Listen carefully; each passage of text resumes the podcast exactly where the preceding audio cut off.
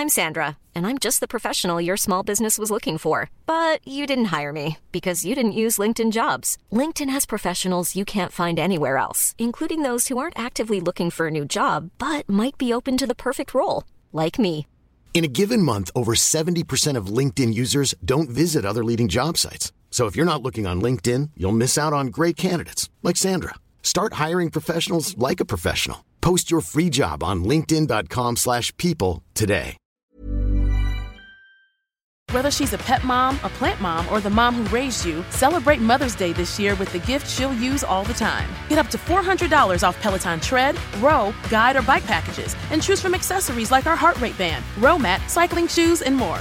This is the perfect gift for mom to explore what gets her moving. Whether she has 5 or 20 minutes, she can choose from classes like techno rides, country walks, or an 80s row. All access membership and guide membership separate. Offer ends May 14, 2023. Excludes Peloton tread, row, bike, and bike plus basics and Peloton guide standalone. See additional terms at onepeloton.com. Dit programma wordt mede mogelijk gemaakt door Toto. Ajax is niet alleen winnaar van RKC uit, maar ook van het weekend. PSV bijt zich stuk op de lat van Jan de Boer. En Feyenoord kan ook niet winnen van Julio Velasquez. Verder zijn de schatten van Henk de Jong nu de schatten van Bosgaard... en hebben wij de stem van FC Utrecht weer een keer aan tafel. Hoogste tijd dus voor een nieuwe aflevering van de derde helft.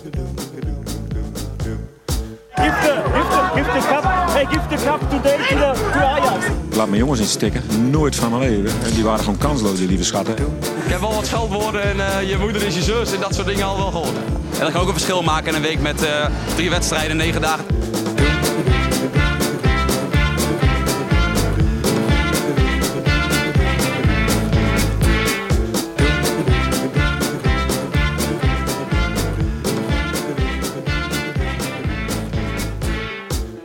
Goedenavond, luisteraars van de podcast. Eh, ik moet zeggen, kijkers van de YouTube live. Met hallo luisteraars van de podcast. Zo is het altijd. Je Ik zwaaide Gijs. wel even naar de luisteraars, dat is goed. Zeker. Eh, mijn naam is Gijs en welkom terug bij de derde helft, de Eredivisie podcast. Waarin wij normaal gesproken alle negen wedstrijden en alle 18 teams even langslopen aan het eind van het weekend. Maar er is weer een 8 uur wedstrijd, dus dat doen we iets anders. Zoals de vaste luisteraar gewend is, gaan we dat voorspellen. En voor de nieuwe mensen komt dat horen later in de aflevering. Eh Pepijn is vandaag afwezig, wat betekent dat Snijboon en Tim automatisch wel gewoon aan tafel zitten. En zoals gezegd in de intro, de stem van FC Utrecht is weder teruggekeerd. Het geweten ook deels, denk ik wel.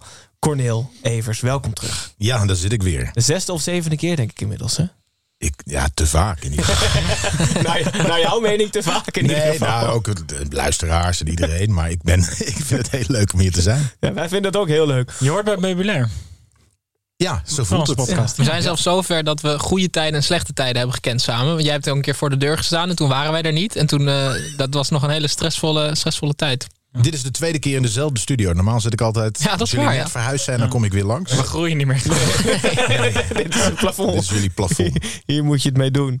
Ehm, superleuk dat je er weer bent. Voor de mensen die je niet kennen, je bent acteur, muzikant, cabaretier. Bij het grote publiek bekend van feuten, brokstukken, GTST en ook de luizenmoeder, iets recenter. Eh, en ook wel van je Twitter-ruzies. Eh, bij meester Tim ben je vooral bekend van de derde helft. Luistert meester Tim nog of weet je dat niet? Zeker luistert hij nog. Heel goed. Hallo, meester Tim. Hallo meester Tim. Is hij nog steeds een, een meester van jouw kinderen? Hij is weer meester van Oh ja, mijn ja. zoon. Ja, Hij- hij groeit wel door. één dag per week. Nee, nee, het was eerst de hele week. En nu is hij nog maar één dag per week in groep 8. Hm. Maar eh, nou ja, hij is nog wel steeds...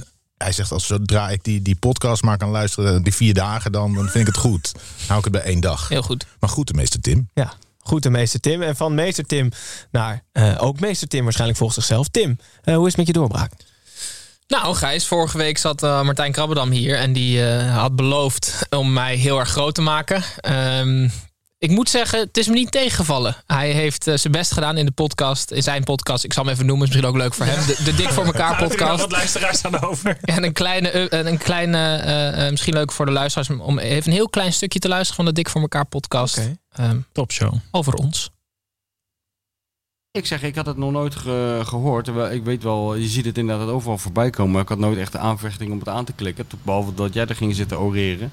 Maar eh, ze doen het wel goed. En ze hadden, eh, ja, heel vaak bij die podcast is het toch... neigt het toch soms een beetje naar van die humor van die 538-discjockeys, weet je wel. Maar deze gasten hadden best wel goede grappen. Zeker. Een voorbeeld, ik, ik moest onwijs lachen. Gelukkig heeft hij de aflevering met Jelte van der Goot niet geluisterd. Maar dit was. eh, vond het, ik vond het serieus wel echt eh, leuk. Leuk om te horen. Dus het gaat eigenlijk al goed, Gijs. Beter dan, eh, dan vorige week. Heel goed. Snijboon, hoe is het? Nou, ehm, de, de trein rijdt, hè? Onze WK-trein rijdt ook wel een beetje. Cornel Eh, is ook ingestapt, heb ik net eh, ja, gehoord. eigenlijk- ja. Luisteraars zouden vanaf nu tot het einde van het WK in de hel kunnen stappen die onze vriendinnen elke dag meemaken. Namelijk dat je elke dag naar ons kan luisteren. Vanaf nu tot de start van het WK elke dag dubbele nationaliteit waarin wij je helpen om je tweede voetballand te vinden voor het WK. Tijdens het WK elke werkdag s'avonds WK-journaal. Oranje WKV na wedstrijden van het Nederlands elftal. En elke zondag nog een WKV. Of WKV, ga jij het waarschijnlijk weer noemen de hele maand? absoluut. Ja. WKV. Eh, ik heb er heel veel zin in. Maar ik er heb wel meteen ingegrepen, hè. Dat hij vandaag eh, luisterde ik over Brazilië. En dan zei Mhm. hij... Nou, dan eten ze picanha na de tijd, vinden ze lekker. En dat zegt hij waarschijnlijk picange. Ja, maar er gaan nog zoveel picanha, woorden dat uit weet zoveel, iedereen. dan gaan zoveel woorden uit zoveel talen nog langskomen. Ja, sla Portugal maar over, Saudi-Arabië. gewoon. Ja. Jongen, jongen. Riemen vast iedereen, inclusief Ja, Cornel. Ja, ja. Het wordt, eh, het wordt een eh doldwaze maand. Maar goed, eh, we zijn nog even bij de Eredivisie. En Ja. zoals altijd beginnen we de terugblik op de Eredivisie met het gestrekte been. En het gestrekte been is nog steeds hetzelfde. Namelijk een stelling waarin ik jullie drie aan tafel even op scherp zet en wakker maak. En vandaag luidt de stelling... Schreuder moet Ajax duurste transfer ooit worden. Dus duurder dan Anthony. We hebben het ook uitgezet op onze social kanalen. Morris Visser is het oneens. Die zegt dat er op dit moment geen goede kale trainer beschikbaar is. Dus die wil Schreuder blijkbaar behouden. En Hidde Boonstra 10 is het eens. Die zegt dat het meesterbrein er precies acht wedstrijden voor nodig had... om Tadic op links en Bergwijn op rechts te zetten. Eh, Leuk. Een geweldige, Ja, leuk, geweldige vinding. Hoe zit het hier aan tafel? Tim, eens of oneens? Ik ben oneens, Gijs. Cornel. Ehm, ja, ik ben het eens. Heel goed, Snijboon. Ehm, ik ben het oneens. Oké, we beginnen Ja. bij Cornel. Eens. Nou, ik vind dat je sowieso. eh, ik hoop dat het vooral de, de vraagprijs is. Dat ze willen dat het de duurste trainer ooit wordt. Zodat hij zo lang mogelijk eh, blijft zitten. Goed Ja, antwoord. heel slim. Ja. Heel goed. Jij bent namelijk niet voor Ajax bij deze. Waarschijnlijk voor de mensen. Ik ben hartstikke voor Ajax. Wat is dit nou Je komt net uit de arena, framing? toch? Ja, wat is dit nou voor framing? Tim Snijboon, oneens waarom? Nou, Gijs, ik vind dat het bestuur van Ajax zich weer van zijn meest amateuristische kant heeft laten zien. Want Alfred Schreuder staat in de belangstelling van Stuttgart. Ehm, en dan gaat het bestuur, wil dan even laten zien... we hebben heel veel vertrouwen in de, in de, in de coach. Da- daar ga ik dan van uit. En de vraagprijs luidt anderhalf miljoen. Ja, maar dan, dan, als ik dan Alfred Schreuder was, zou ik serieus zeggen... jongens, ik betaal dat zelf wel, ik ga nu naar, naar Stuttgart. Dat kan toch niet? Ja, maar hoeveel moet je voor een trainer betalen dan?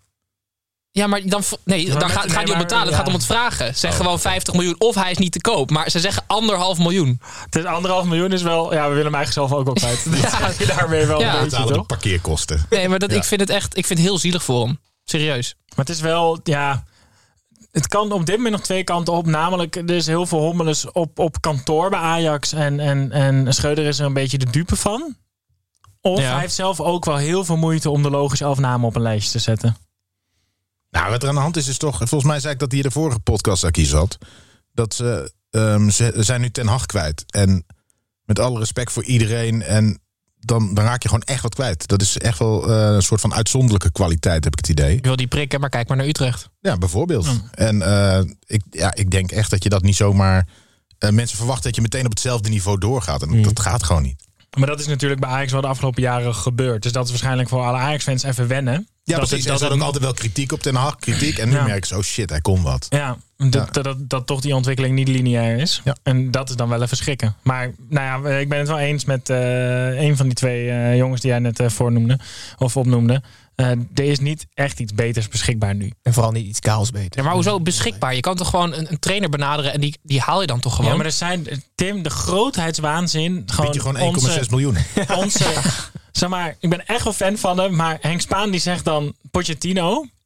Ja, ja. gewoon, ja, maar dat zeg ik niet. Nee, maar, nee, maar als, als je op die manier denkt over de opvolging, dat Pochettino is bij PSG uitge, uitgegooid, dan denkt hij, oh van de Sar wel, maar ja, dan ga ik wel naar Ajax. Dat, weet je, van dat kaliber, die gaan op dit moment gewoon toch niet naar Ajax toe. We gaan wel naar Ajax, naar wonen wij Oh. in ieder geval. Want Ajax is de koploper en Ajax speelde uit eh, bij RKC. En nadat Ajax vorige week Excelsior de oren waste en Schreuder hetzelfde deed met aanwezige journalisten, was RKC niet bereid om zich te laten, eh, om, dit, om dit zich te laten overkomen. De eerste helft deed het goed mee, haalde het zelfs met 1-1 de rust, maar de tweede helft kon het tempo niet bijbenen. Ajax speelde beter, eh, scoorde goede goals, een understatement, en won met 1-4. Tim, normaal gesproken zijn wij niet echt van het behandelen van wedstrijdmomenten, maar dit keer moet het wel. Nou ja, dat doelpunt van, van Berghuis, ik ga hem niet omschrijven. Maar wa- wat ik er zo mooi aan vind, is dat zo'n doelpunt kan ook vallen in de vierde klasse reserve. Maar daar is de, de, de ratio 1 op, laten we zeggen, 17.000 keer dat je hem zo raakt. Want dit is de bal perfect raken.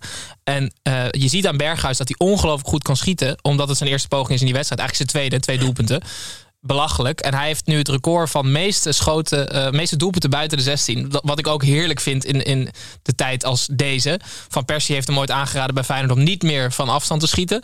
Uh, ik vind het uh, heerlijk dat hij dat nu gewoon blijft doen, want het zijn de mooiste doelpunten. Was het oude record van Van Persie? Wat? Nee, nee, nee, nee, dat, dat mooi zou laten mooi zijn. zien. Ja. Niet meer schieten, niet meer schieten. Als wij het van Persie mooi laten zien dat meer dan 90% van de doelpunten binnen de 16 viel in de Premier League. Oh, dus ja. dat van afstand schieten, oh, oh, hoewel het er leuk uitziet, dat het niet een hele effectieve uh, aanvalswijze Ja, maar ik, ik wil niet. ik- een paar maanden geleden maakte Thiago hem in de Champions League. Op deze, ongeveer op deze wijze. Toen ging die de wereld over. Het is dat het in die fietsenstalling gemaakt wordt. Maar het was een hartstikke leuk doelpunt. Schitterend. Ja. En, en, en, maar mijn hoogtepunt is dat Bobby kramp krijgt. Ehm, Dat kan niet anders met zulke spieren. nee, dat kan ook niet anders. Dus ik heb even opgezocht wat, wat redenen zijn van kramp. Ehm, en dan moeten jullie maar even kijken welke het is. Ja? Oké, ja. Eh, dehydratatie zou kunnen, maar ik denk het niet. Want ik denk dat je gewoon wel goed drinkt. Maar Zwa- relatieve dehydratatie kan wel, want waarschijnlijk moet hij gewoon, gewoon een schip opdrinken Ja. ongeveer. dat Hij is is wel helemaal zeiknat als je hem hier zo ziet Ja, dat is waar, ja. Dat kan wel. Oké, dus deed, oké, goede, goede mogelijkheid. Ja. Zwangerschap, Ja. vermoeidheid, slechte houding. En dan komt de laatste. Slechte houding, fysiek of mentaal? Nee, mentaal. Overdreven intense spierinspanning. Ja, dat moet het Ja. natuurlijk zijn. Die jongen is zo ongelooflijk verschrikkelijk sterk, zeg. Dus eh, waarschijnlijk gaat hij nooit in zijn leven een hele wedstrijd kunnen spelen. En niem- ik, ik neem het hem ook niet kwalijk, Gijs. Ik dacht namelijk eerst, het is onprofessioneel. Maar nee, het is, hij is gewoon veel te sterk. Schreuder moet het gewoon doen zoals in, de, in, de, in onze competitie. Dat je eigenlijk nog niet door. Eigenlijk mag je niet meer doorwisselen. Terwijl we echt op bedenkelijk niveau voetballen. En dan voor de wedstrijd is altijd even overleg tussen de clubs van. Mag het vandaag dan wel Toch gewoon? Want niemand is hier gekomen om maar een Ja. kwartier te spelen. Maar je mag toch de, een extra wissel als iemand geblesseerd is? Of is dat alleen aan hoofdblessure? Aan de hoofd, ja, dus dan moet Oh, dan hij moet hij dus, dan heeft hij zo, ook. heeft hij zo Kramp Auw, auw, auw. En dan mag het. Nou, dat zie je wel continu op de velden nu. Dat Is dat iedereen zo? die ligt, die grijpt naar zijn hoofd, want dan moet de scheidsrechter afluiten. Het is wel Ja. echt een nieuw dingetje hoor. Zeker. Dus eh, dikke tip voor Bobby. Waarschijnlijk heeft hij ongelooflijk spieren op zijn hoofd ook. Dus kan het prima dat hij daar kramp Ja, krijgt. Veel zeker. front is helemaal de kramp. Ja. Ajax won, Ajax won eh, met 1-4 bij RKC. Maar RKC deed vooral de eerste helft echt uitstekend mee. Cornel, volgens mij heb je ook deels deze wedstrijd gezien. Nee, ik heb hem gezien. Ik heb hem gezien. En RKC hartstikke leuk, toch? ik eh, dacht de eerste wedstrijd van dit wordt er eentje. Ik vond RKC echt, echt leuk spelen. Ik vond Michiel Kramer echt in topvorm. Ik vind het sowieso een hele leuke speler. Ook die, die voorzet die hij geeft. Dat je gewoon, je ziet aan alles aan hem dat het zo bewust is of zo. En hij heeft de rust. Nee, ik vond RKC eh, ja, echt, echt die eerste helft heel goed spelen. Echt terecht. Ik wil graag wat opperen. Ik wil graag een promotie opperen eh, voor RKC. Eh, want wij zien namelijk RKC altijd als degradatiekandidaat. Maar het is tijd om ze te gaan zien als middenmotor. Ik weet het eigenlijk nu wel zeker. Eh Jozef Oosting zit daar nu 49 wedstrijden. Hij heeft daar 15 keer gewonnen. 16 keer gelijk en 18 keer verloren. Ehm, eh, met een gemiddelde van 1,24 per wedstrijd. Nou ja, Punten wat zegt... Ja, Ja. wat dacht je dan? Nee, ja, doelpunt of zo. Ik weet niet voor de luisteraar. Nee, punten. Eh, nou ja, wat, wat zegt dat? Ik heb hem even naast eh, eh, wondertrainer Fred Grim gelegd. 1,11 per wedstrijd. Sinds wanneer is Fred Grimmer won de trainer? Ja, dat vinden jullie toch altijd? Toen bij RKC bedoel je? Ja. Ja. Ik, Ja, vind het vooral, ik vind dit RKC zo'n heerlijke balanceeract. Want als, iemand, als je iemand voorlegt, hey, wil jij een selectie met Bellassani en Kramer als twee grote eh, smaakmakers, zegt 80% van Nederland nee. Gewoon omdat het veel te eng is, want het kan elk moment Ja. omvallen. Ja, dat is waar. En O- Oosting heeft het heerlijk voor elkaar met de jongens. Ik heb ze denk ik zo, nog nooit zo goed zien spelen als in de eerste helft tegen Ajax. Ze hadden gewoon eigenlijk voor moeten staan. Voor rust. Ja, ja. Ja, je hebt ze nog niet omgedoopt op middenmoot, ze staan wel gewoon eh, onderaan het linkerrijtje. Nou ja. En uiteindelijk heeft Ajax wel terecht gewonnen op basis van de tweede helft natuurlijk. En zo is nou ja, omdat iemand toevallig heel goed kan schieten. Maar niet omdat ze heel veel beter speelden. is heel toevallig. Daar heeft eigenlijk er wel meer oh, van. Oh, is dat zo? Ja. Als het allemaal toeval Ze schijnen erop te trainen. Goed, we sluiten de wedstrijd van de koploper af en gaan naar de volgende wedstrijd. Dat is niet zomaar een wedstrijd, maar geheel terecht de wedstrijd van de week. Hey, la, la, la, la, la, la, la, Wedstrijd van de week, van de week, wedstrijd van de week. PSV, de nummer 2, speelde uit bij Groningen. Na midweeks bezoek aan Snijboons Arsenal mocht PSV het zondag opnemen tegen Opa Wormoeds FC Groningen. Opa bleek uitstekend in staat om zijn achterkleinkinderen te motiveren, want er ontspond zich een geniale wedstrijd. PSV leek de wedstrijd in een paar minuten te vergooien door 3-0 achter te komen, kwam terug tot 2-3 en ondanks een karrevracht aan kansen werd het geen 3-3. Sterker nog, in de blessuretijd werd het 4-2 voor Groningen. Snijboon, we gaan het zo hebben over deze heerlijke wedstrijd. Maar moet PSV zich zorgen maken? Nou, volgens mij heb ik letterlijk vorige week gezegd dat het vooral bij PSV het probleem is dat als ze door de ondergrens zakken, dat ze er zo ontiegelijk ver doorheen zakken dat er geen weg terug meer is. Dus, en dat deden ze vandaag weer. Dus ik heb toch maar even gezocht. En ehm, als je opeens. Dat deden ze niet vandaag, maar praat maar eerst door. Nou, die zes minuten dat ze die drie goals tegenkrijgen, zakken ze toch wel behoorlijk door het ijs. Ik heb bij hem vooral het idee dat, dat, dat, dat er zit altijd een plafond boven. En op het moment dat iemand er echt al met een drillboor doorheen aan het hakken is, ze hebben al een wenteltrap gebouwd, dan, dan klimmen ze daar niet op, zeg maar. Ze hadden dit weekend, nu hadden ze toch echt punten kunnen halen. Ja, niet zeker. zozeer tegen Ajax, maar tegen de rest. Maar ik heb dus gekeken en ik, volgens mij moet PSV zich zorgen maken, eh, want ze hebben een rughernia. Want dat kan verklaren waarom je opeens alle kracht verliest. Heel even. Is dat zo? Ja, dat is door die rughernia, zenuwpijn. dus ja, als ik, zal, als, als ik hem was, toch even langs de fysio gaan. Want voor de rest waren ze gewoon... Ik durf bijna niet te zeggen, maar speelde gewoon een hele goede wedstrijd. Oké, heel goed. Daar ben ik het mee eens. Creëerde ontzettend veel kansen. eh, goede reddingen van, van, van wereld-eredivisie-debutant Jan de Boer. 22 jaar, geboren in, eh, in Sneek. Bij Heerenveen opgeleid, 2019 overgestapt naar Groningen. Is daar eigenlijk derde keeper. Eh Leeuwenburg en Verrips allebei geblesseerd. Hij maakte tegen Dordrecht in de beker zijn debuut. Hij is 22, 2 meter 2 is hij. Ik heb, ehm, ik heb, eh, echt goed. Ik heb mijn steentje bijgedragen aan zijn doorbraak. Bij Zepsport hebben we ooit een keer een item gemaakt. Waarbij eh, Ron Boshart in een vol stadion een penalty moest schieten.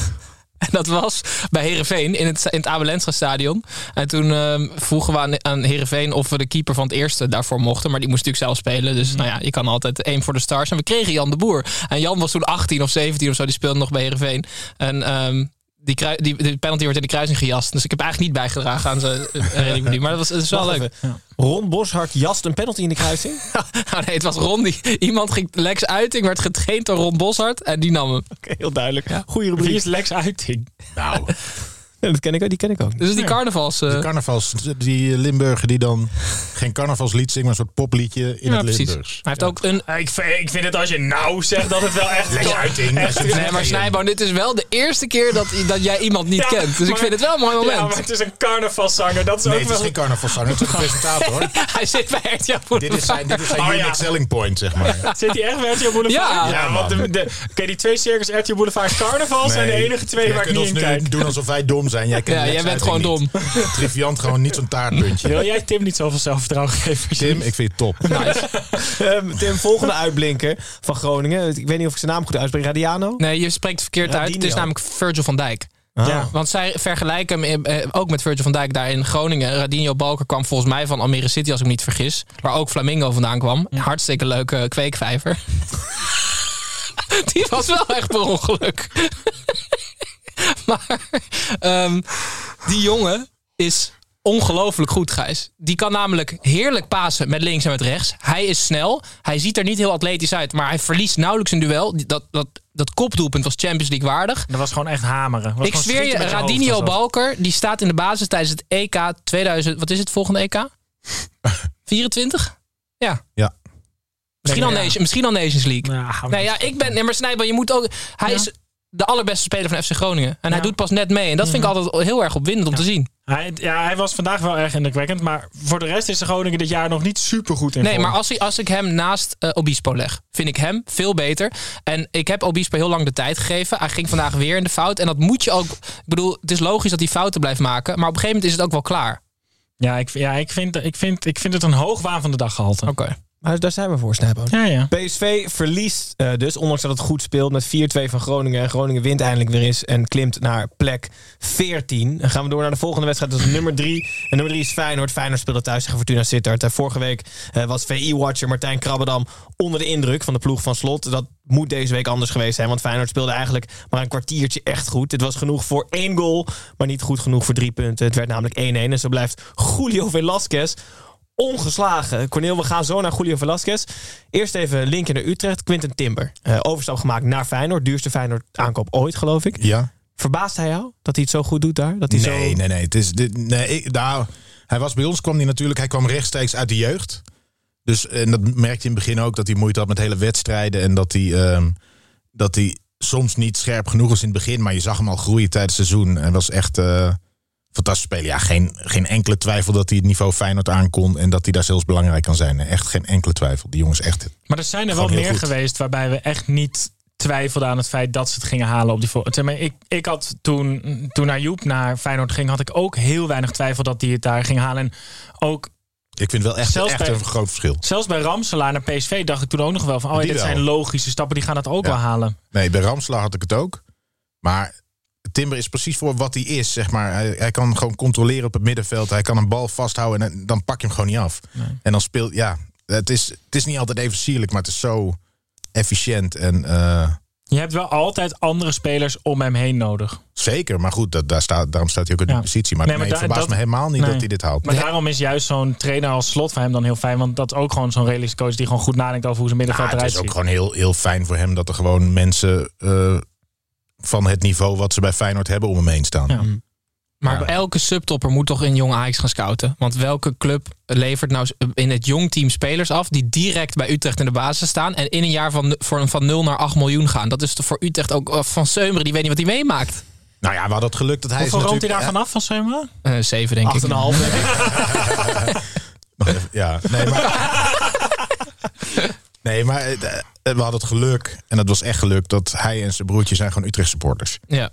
Dus hij wist van ik wil voetballen en waar kan ik dat? Nou, bij mijn lievelingsclub. En hij wist ook waarschijnlijk al van dat doe ik een jaartje en dan ga, ik- ga ik mezelf in de picture spelen. Hij is gewoon zo slim. Ajax wilde hem houden. Alleen wist hij niet zeker met het middenveld wat daar stond of hij daar aan spelen toe kwam. En bij ons kwam die 100% zeker wel aan spelen toe. Nou, je ziet hoe slim zo'n keuze kan zijn. Ik maar vind ik vind dat alsnog knap, want het is niet alsof er weinig middenvelders daar liepen.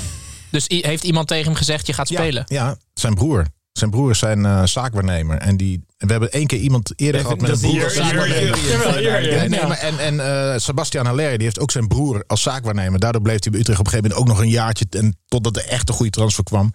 En je ziet gewoon dat als er niet iemand naast iemand staat die het echt alleen maar om geld te doen is, maar ook echt om carrière, dan kan het heel goed uitpakken. En dat zie je nu bij Timber weer. Duidelijk. Coach van de tegenstander, Snijboon, Fortuna Sittard. Ehm, vijfde keer dat hij aan het roer staat, de beste, de beste man, Julio Velasquez, is van druktemaker nou eigenlijk hele rustige, hele rustige ziener aan de kant. En hij verliest gewoon weer niet. Snijboon, ik wil geen kwaad woord over deze man. Hoezo niet? Oké. Nee, maar nou, ja. Hem de- bek nou niet open. Ulte heeft eh, maandenlang zijn best gedaan om die club er bovenop te helpen. Eh, uiteindelijk pakte hij echt af en toe een punt die gek wordt aangesteld. Iedereen dacht dat het een gek was. En eh, hij wint, hoeveel heeft hij gewonnen? Drie gewonnen, twee gelijk. Sorry, waarvan maar Feyenoord toch- uit een punt. Oké, Maar hij kan toch punten pakken en een gek zijn? maar Want dat positief gek ik- dan. Ja, ja, dat punt zit ik nu op. Van ik kan niet meer, zeg maar, eerst was hij een gek en dacht ik dat hij er helemaal niks van kon. Oké, maar laat mij jou eerst even wat vragen. Oké. Zou Simeone evenveel punten met Fortuna hebben gehaald in de afgelopen vijf wedstrijden? Ja. Oké. Maar het was, Waarschijnlijk gisteren- omdat hij zelf gewoon nog op het middenveld Ja, dat is waar. spelen. het, wa- het was toch ook wel beetje geluk. Toch? Feyenoord had er echt wel drie of vier zo. Als ze de drie of vier wel in extra in hadden geschoten, was het ook geen... eh, Slot zei inderdaad, het is eh, altijd vreemd als een ploeg één keer op doel schiet en een punt kan halen. Eh terwijl was Feyenoord niet helemaal- 33, ja, maar 33 de- doelpogingen onder dan. 33 doelpogingen. Ja, oké, Dat maar vond ik ook leuk aan dat slot. En dat vind ik dan leuk om te zien. Want ik vind het een hele sympathieke man. En hij kan het goed uitleggen. Maar er wordt altijd gezegd, ja, nou, hij bewaart zijn rust. En dan stond hij zo heel kinderachtig. En dan merk je als een keer tegen zit. Ja, ja, dat stond klopt. hij op zo'n horloge te wijzen. En oh, we hebben zes minuten extra tijd. En, jongens, goed schiet, ja. schiet gewoon die fucking bal erin. En het is hun nadeel dat ze hebben eh, tijd gerokken. Of Ja. hoe zeg je dat? Weet je wel, eh, ik vond het zo sneu. En, en, en dat, dat, Pascal Jans had het ook vandaag eh, van de set. eh, of vandaag was het, ja. Ja, zondag ja. De- ah, die ging ook naar de van, Nee, nee, nee, zorg gewoon dat je die bal je Ja, goed beter nagaan. spelers. Maar- doe even normaal. En ik ik vind vind het heel het- leuk. Omdat het hele sympathieke gasten zijn. Maar dat is dus alleen maar omdat het steeds zo goed gaat. Ja. Ja, maar Slot, sowieso. Hij is natuurlijk een secteleider, zijn we vorige week al achtergekomen. Als het slecht gaat, sowieso heel geïnteresseerd in. Maar ook, hij heeft altijd dus na de wedstrijd... doet hij waarschijnlijk gewoon op z'n, met zijn iPhone... gewoon zo'n twee minuten meditatie. En dan is hij weer rustig en kan hij bij de camera staan. Want er staat inderdaad... Hij staat gewoon 70 minuten bij die vierde man te janken. En dan na de wedstrijd staat hij het weer helemaal heel netjes uit te leggen. Maar er moet dus iets in die twee minuten gebeuren... waarin hij helemaal tot rust komt. Ja, dat is Ademhalingsoefening zichzelf over zijn bolletje wrijft of zo. Ja, zo, Niets menselijks. Zoiets. dat, ik denk met zo'n, met zo'n hoofdmassage. Ja, met zo'n orgasmatron. Zo. Ja, ja. Oh, Heet het echt een orgasmatron? Zeker, Gijs. het. Ja. Wat goed. Goed, maar niks menselijks is Arne Slot dus vreemd met de orgasmatron. Ehm, allebei een punt. Feyenoord, plek 3. Fortuna, plek 11. En dan gaan wij een klein uitstapje maken naar buiten de lijn. Edwin, Kevin hier, buitenspel. Ik hoor je nu voor half. Zeg wat is Oké, Edwin. Edwin, buitenspel.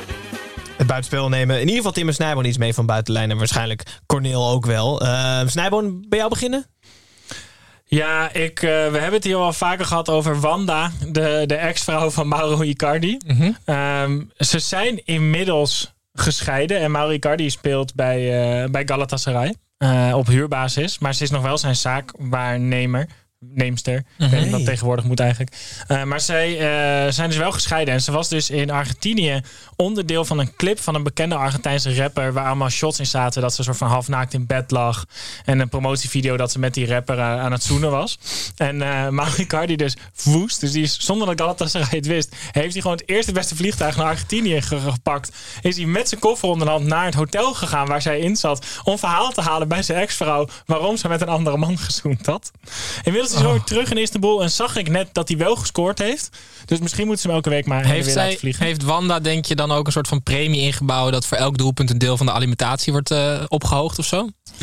Zou dat in zijn contract staan? Nou ja, ik, zij heeft het er zeker in kunnen zetten. Ja, okay. ja, want, want, volgens mij is zij de enige van de twee die zijn contracten leest. Maar het is, het is zo'n raar verhaal. Ze zijn ooit bij elkaar gekomen omdat zij getrouwd was met Maxi Lopez, oh, zijn ja. uh, teamgenoot.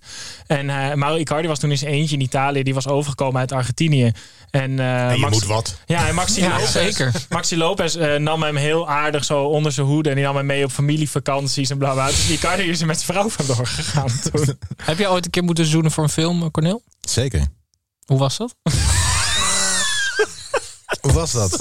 Oh, nee, nee, maar je kijkt wel heel oprecht. De vraag. Uh, nee, dat was. Uh, ja, hoe is zoenen? Maar doe je dat dan met tong? Nee, nee, het was niet met tong. Mm. Was, maar in principe, uh, normaal gesproken doe je het ook wel omdat je er een soort van zin in hebt. Dat is in zo'n film wel anders. Ja, maar je weet niet wat zo'n draaidag je oplevert. Uh, ik, ik, ik kom daar vrolijk de dingen op. Ik zeg, laat me maar doen. Wat, wat moet er gebeuren? en dan. Nee, dat, dat, uh, het is. Nee, het is niet hetzelfde als zoenen bij de discotheek, bij, de fiets, bij het fietshok, zeg maar. Nee. Want er staat gewoon, uh, hier zitten er twee zo een beetje mee te kijken. En daar staat gewoon 30 man om je heen en hangt hier zo'n hengel boven je hoofd. Oh, ja. Beetje als bij fietshok. Kun je je hoofd, ja, en, en, en, en, dat er dan iemand zegt, kun je je hoofd iets, iets naar rechts doen en dat is nog niet de vrouw zelf, zeg maar. Dat, dat zegt dan iemand aan. Aan de andere kant van je hoofd komt opeens iemand fluisteren. Ja, ja. Dus, dat die vrouw zegt, Cornel, doe je best. nee, weet je, het is... Um, Fantastisch. Oké. Okay. Nee, maar, zij heeft toch, maar, die, maar die Wanda heeft toch alleen in die clip gezoend? Of ook daarbuiten? Dat was, daarom vroeg ik het. Oh, het stond zo. op camera. Ja, ik weet niet wat ze daarbuiten allemaal gedaan Oh. heeft. Eigenlijk moet je mijn vrouw vragen wat zij ervan vindt. Ja, dat ik, ja, Dat is goed. Ja. Die vindt het ook fantastisch. Ja, Tim, wat heb jij mee? Lionel Messi werd geïnterviewd deze week. Volgens mij gisteren. Um, en die werd geïnterviewd door Pablo uh, Giralt. Dat is een 48-jarige uh, tv-personality uit Argentinië. En het interview uh, verliep oké. Okay, tot ongeveer een van de laatste vragen. En die interviewer stopt met vragen stellen en die begint te huilen. Um, en wat zegt hij nou? Hij zegt van ja, dit was altijd mijn droom om jou te ontmoeten. En, ik vind het eigenlijk... en Messi heel hard lachen. Was het Twan van Peperstraat? Ja, nee, maar dat, dat, ik had een grap voorbereid met Twan van Peperstraat. Die kan ik nu niet meer maken. Um, maar het is, het is een 48-jarige man die gewoon echt veel soort van bekend op tv in Argentinië. En die moet gewoon huilen tijdens een interview met Messi. Ik vind dat niet professioneel.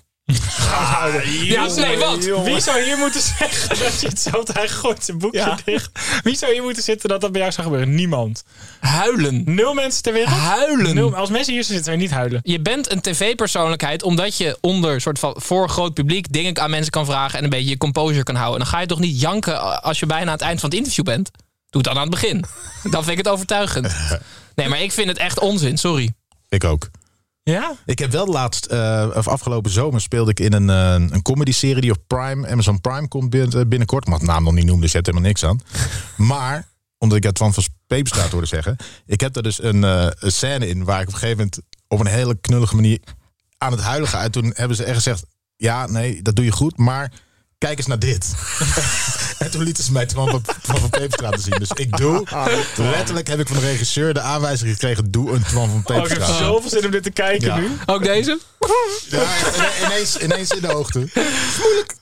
Heel goed. Ja. Arme Twan. Cornel, heb jij nog wat meegemaakt? Nee, dat was, dat was mijn uh, buitenspel Heel goed. bij deze. Ik had trouwens wel gelezen, had- nu we het over Messi hebben, dat als Haaland vanaf nu elke wedstrijd een hat maakt, de rest van het seizoen, dat hij nog steeds niet zoveel doelpunten maakt aan het eind van het jaar als Messi in 2012 heeft gemaakt in één voetbaljaar. Dus even, zeg maar, Haaland is best bizar, maar Messi was echt nog veel debieler qua cijfers. Wil ik even Daarmee, daarmee sluiten we buiten. 91 doelpunten in een kalenderjaar. Daar ga ik echt van huilen, ja. Zie je? Zie je, hij heeft wel emoties. Ja, ja dat is ook waar.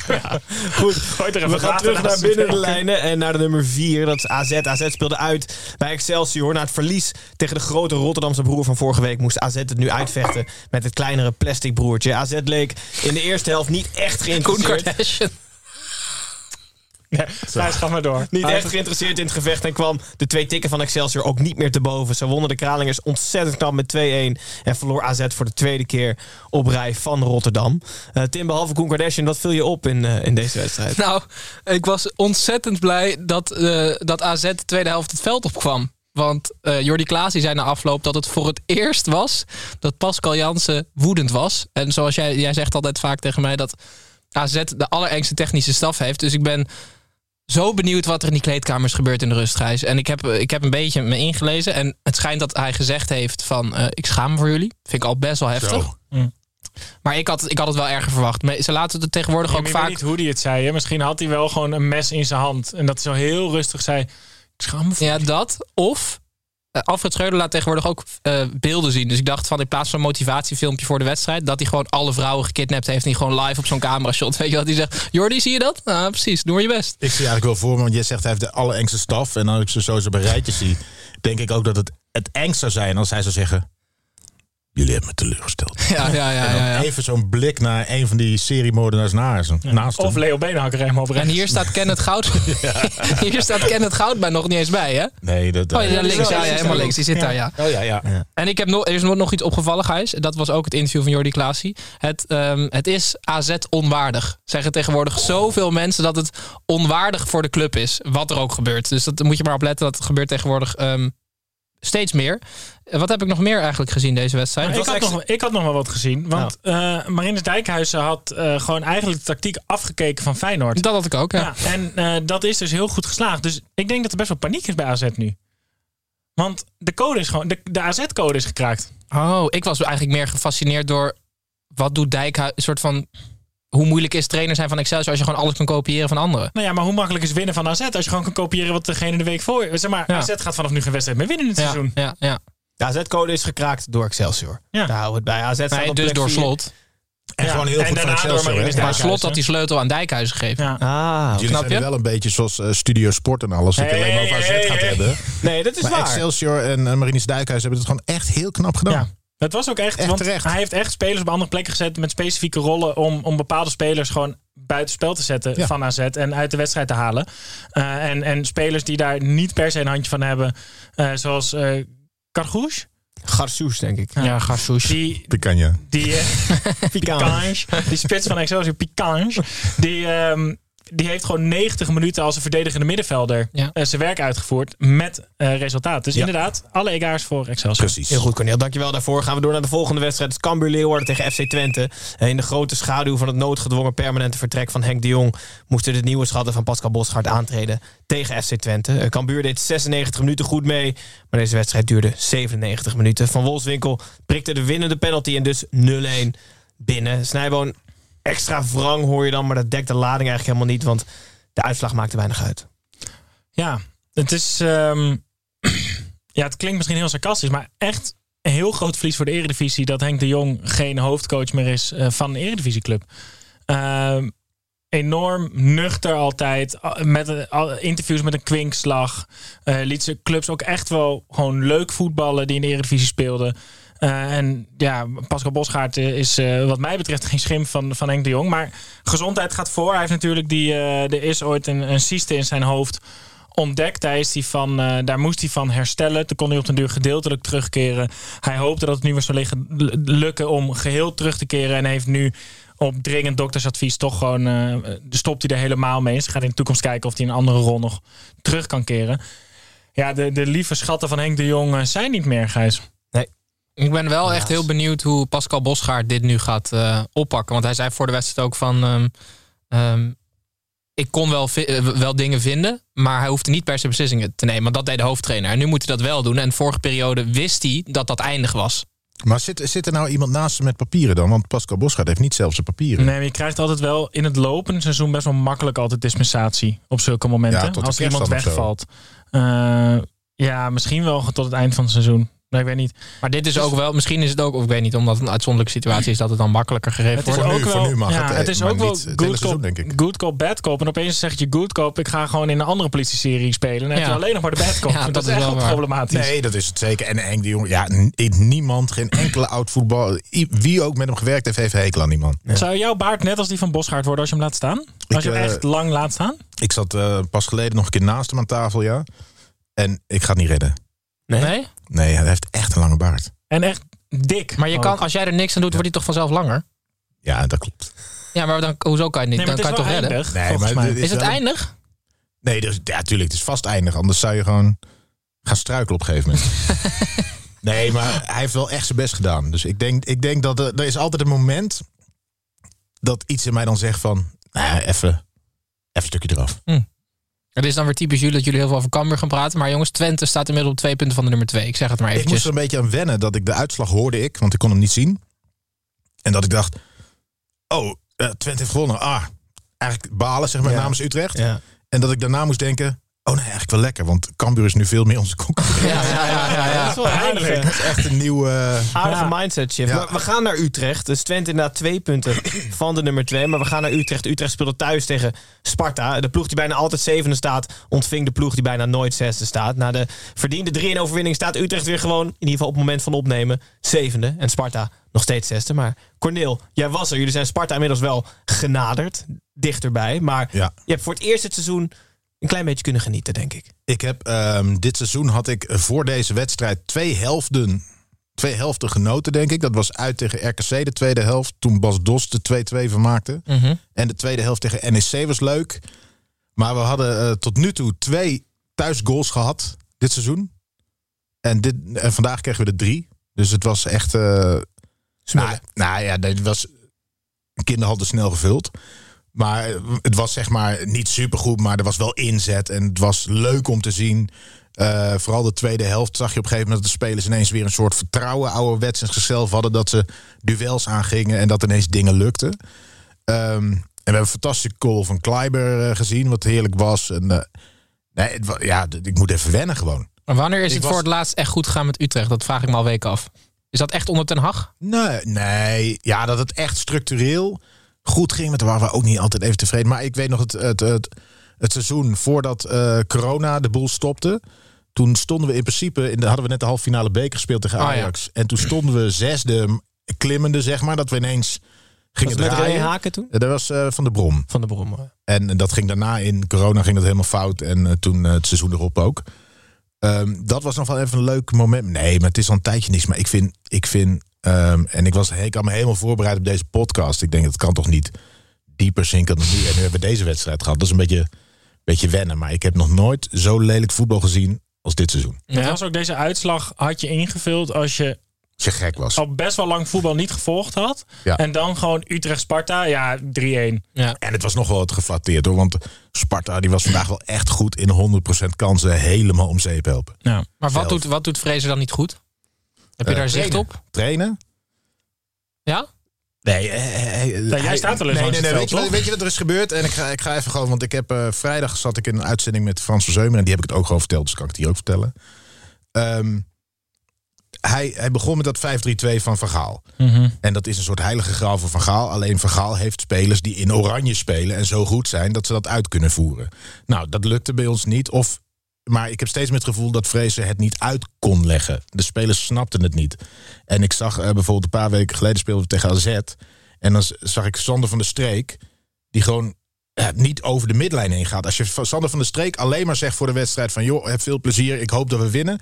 dan, dan valt hij de keeper continu aan. Zo hoog druk zet hij. Dus het was een opdracht dat het niet mocht. En zeker in de Galgenwaard willen we dat gewoon niet zien. We willen gewoon dat we altijd gaan voor de, voor de punten. We willen niet dat als je achter staat... dat, dat er een centrale verdediger voor een centrale verdediger wordt gewisseld. Dan haal je de centrale verdediger eruit en dan zet je er een aanvaller bij. Weet je, Ja, maar ik vind- opportunistisch. Nee, maar het is echt. Ik heb dit seizoen. Ik heb nog nooit gezien dat een team zo weinig op vandaag na een idee had wat ze stonden te doen en dat het duidelijk tactisch geen, geen plan en zeker geen plan B was. Want als, als AZ dan scoort, ik snap dat je tegen AZ voor 0-0 speelt bijvoorbeeld, maar dan scoren zij 1-0 en dan gebeurt er niks. Wel, het was wel op dat vlak de ideale tegenstander natuurlijk voor Fraser. Want het is geen club die hij zo goed kent. Als Sparta bedoel je vandaag? Ja, maar ook die club ging weer draaien toen hij eenmaal wegging. Nou, het, daar, de, nou, het laatste stukje was niet best, maar hij heeft daar ook wel goede tijden gekend natuurlijk, Fraser. Hij is gepromoveerd uit de keukenkampioen. Ik heb het gevoel Nou ja. dat we niet met de voorzitter van de Vreemde Vraats Nee, aan nee, tafel zitten. En, en, en we- nogmaals, hè, dit- ik was zou- vandaag het zou de echt heel, kunnen zijn, heel dit. blij in het stadion. Dus ik hoop dat, Ja. dat hij vanaf nu alles wint en op deze manier in ieder geval blijft voetballen. Dat er met inzet gebeurt. Eh, ik, nee, ik ben geen fan. Dat mag. Eh, maken we een uitstapje, Tim. En wel naar jou. Of iemand dit nou weten wil. Dat boeit me niet ontzettend veel, want ik heb weer een weetje voor je mee. Wandels. Het zijn internationale weetjes, zoals jullie van mij gewend zijn. En out naar het WK. Ik heb er heel veel leuke binnen eh, gekregen. Deze is van Mick Ruiter. Eh, hij gaat als volgt. Ronaldo is 869 dagen eerder geboren dan Lionel Messi. Eh, dat is op zich, ja, doe ermee wat je wil. Ehm, maar de oudste zoon van Ronaldo is 869 dagen eerder geboren dan de oudste zoon van Lionel Messi. Dus het lot speelt met ons, of het is gewoon toeval. En er is echt een debiel die dit precies heeft nagerekend. Ja, en toen heb ik, ik heb het nog debieler gemaakt, want nu heb ik zelf even onderzoek gedaan. Ehm, ik heb dus, dus de, de zoon van Ronaldo is geboren op 17 juni 2010. En toen, nou, negen maanden daarvoor, was het 17 september 2009. Dan ga even kijken welke dag is dat dan, weet je wel. Eh, en hetzelfde heb ik voor Messi's zoon gedaan. Ja. Eh, en ik ben eigenlijk achtergekomen dat zij echt dierenfan zijn. Want ehm, 17 september, eh, nee... Ja, 17 september is Internationale Dag van de Micro-organismen. en 2 februari de Internationale Dag van de Bosmarmot. Dus nou ja, dat verklaart denk ik het een en ander. Mag ik het verpesten? Ja? Je hebt geen kinderen, hè? Nee, Het is 40 weken wat je terug moet rekenen. ik heb negen maanden gedaan. Ja, Is dat... Oh, dan moet ik even weer terug naar de dat tekentafel. is ongeveer 9 maanden. Ja, nou dit is voor mij echt close enough hoor. Ja, dat vind ik ook. Dag van de micro-organismen. Wie, welke van de twee was dat? Ronaldo. Ronaldo, ja. Dus pantoffeldiertjes, et cetera. Vooral et cetera. Vooral et cetera.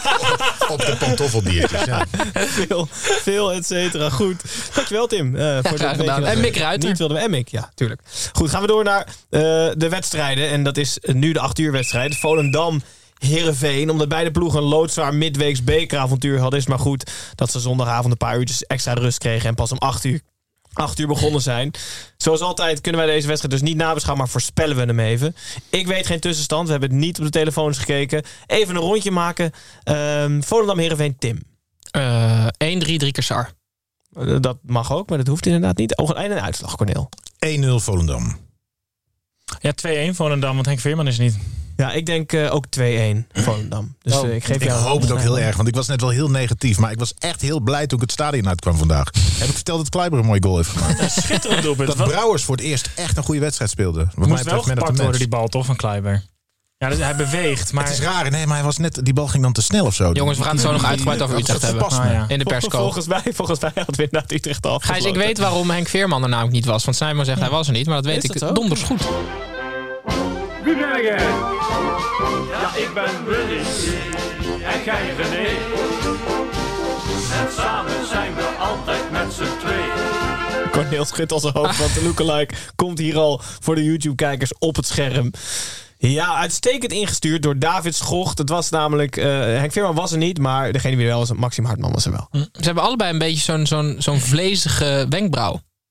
Snap je wat ik bedoel? Ja, zo'n zo'n Ja. zo'n- zo'n overkoepelende oogkas. Nou, ik heb het ook een beetje zo'n...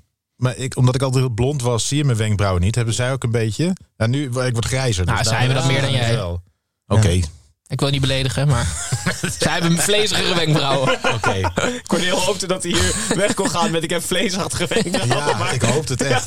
Jij wilde in dat, rij, in dat, jij wilde in dat rijtje. Oh. Veerman, Hartman, Evers, dat rijtje.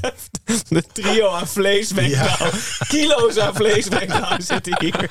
Oké, heel goed. Nou, in ieder geval zullen we zien wat het wordt van Lam Heerenveen. Dan gaan we door naar NEC tegen de Go Ahead Eagles. Ehm, deze week werd nog maar eens duidelijk waarom voetbal de belangrijkste bijzaak in het leven is. De vader van Bas Kuipers, die vorige week twee hersenbloedingen kreeg, overleed eerder deze week. De bijzaak tussen NEC en Go Ahead was wel leuk, maar doet er niet toe. Een 1-3 tussenstand werd eigenlijk ook niet geheel verrassend door NEC nog omgebogen tot een gelijkspel. Een achtste gelijkspel van dit seizoen. Snijboon Tim, moeten we hier nog ergens anders over hebben dan Nou, ik- ja, ik mag nog... sterkte betuigen? Of... Ja, nee, dat sowieso.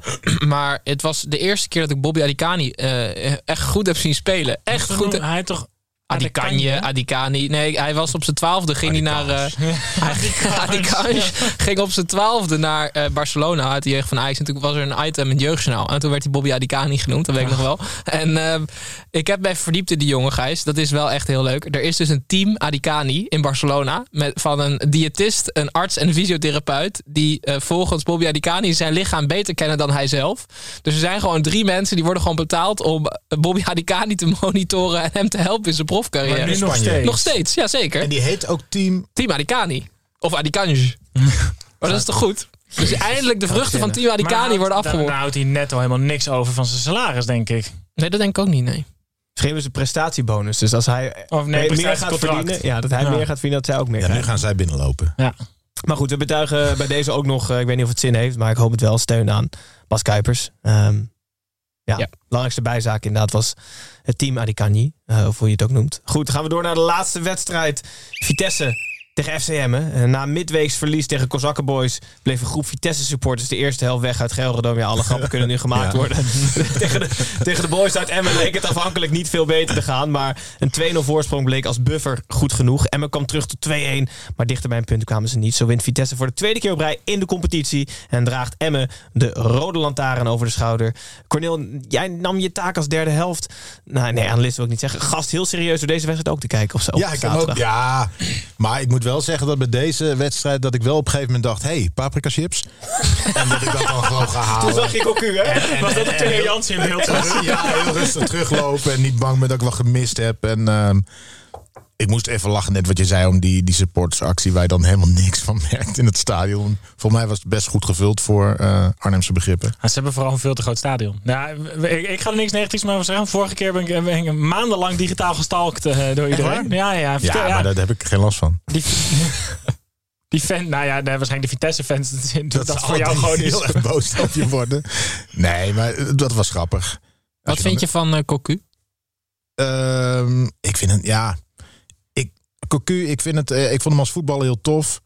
Omdat hij zo- zo'n normale vent was die dan toch ineens heel goed kan voetballen. Ik heb altijd het idee dat vroeger als ik op een pleintje voetbalde... dat die ene gast die heel goed kon voetballen, dat je het er ook een beetje aan zag. Mhm. Er waren, was vaak zo'n stoere gast en dan ging je zo poten... en dan kwam hij zo in jouw team en dan bleek hij ook nog goed te zijn. Cocu werd altijd als laatst gekozen. Die ging je als laatste kiezen. Tot na, totdat je na het eind van de zomervakantie dacht... nou, laten we hem toch maar, eh, toch maar erbij halen. En ik, eh, dat heeft hij als coach ook. Ik heb geen idee wat hij kan. Hij oogt een beetje alsof hij de vader is van iemand uit het team. Meer dan, zeg maar, oh, er was geen coach. vieze Wil, oom wil, wil iemands vader dit team coachen? Ik, ik ga wel rijden. Nee, nee, nee. we Doe gewoon vieze vader dan. Nee, nee, Ja, nee, vieze nee, vader, ja. Ja. Maar dat hij meer gewoon daar staat omdat het moet. En dat hij dan door zijn vrouw gedwongen is. van, Nou, ga jij dat team van de jongens even coachen. Maar niet dat hij ook echt trainerspapieren heeft. Nou, hij kijkt altijd een beetje verbaasd. Ik wil hem heel graag met gel zien. Hij heeft Ja, maar jij altijd... hebt een haarfixatie. Ja. Ja, gel.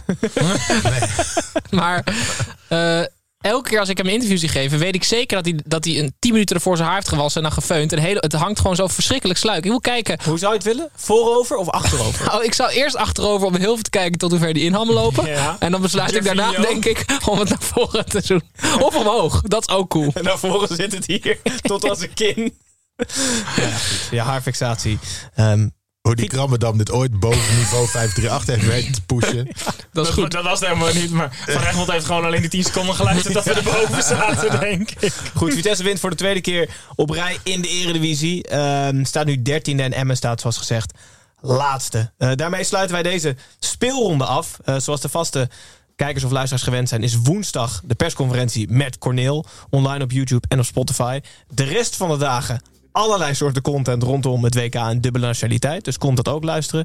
Ehm, kleine huishoudelijke mededeling van Tim en Snijboon. Geen Tim en Snijboon voorspellen meer tot na het WK. Eh, het wordt te veel, hè? Nou, ik, ik denk dat, dat er mensen ook echt niet meer op zitten te wachten, Gijs. Nee. Ik voel me bijna schuldig, zoveel maken we. Nou, ik kreeg vorige week vrijdag kreeg ik een notificatie op mijn telefoon eh, dat de nieuwe aflevering online stond. En ik was zelf al helemaal vergeten dat ik die Ja, opgenomen nee, had. precies. Laat staan wat andere mensen daarvan vinden. Oké, goed, dan sluiten we hem af. Eh, Tim en Snijboon, dank ik jullie. Kijkers, luisteraars, bedanken jullie ook. Maar vooral natuurlijk Corneel, dankjewel. Ik Dat zie jullie je- woensdag weer. je Dan er kom ik was. weer eh, dezelfde. Zeker, Ja? Ja, zeker. Hetzelfde shirt shirt aan. aan, Ja. ja. Verder niks veranderen. Ehm, goed, dankjewel. Kijkers, luisteraars, hopelijk tot morgen, overmorgen en de alle dagen daarna. Dag.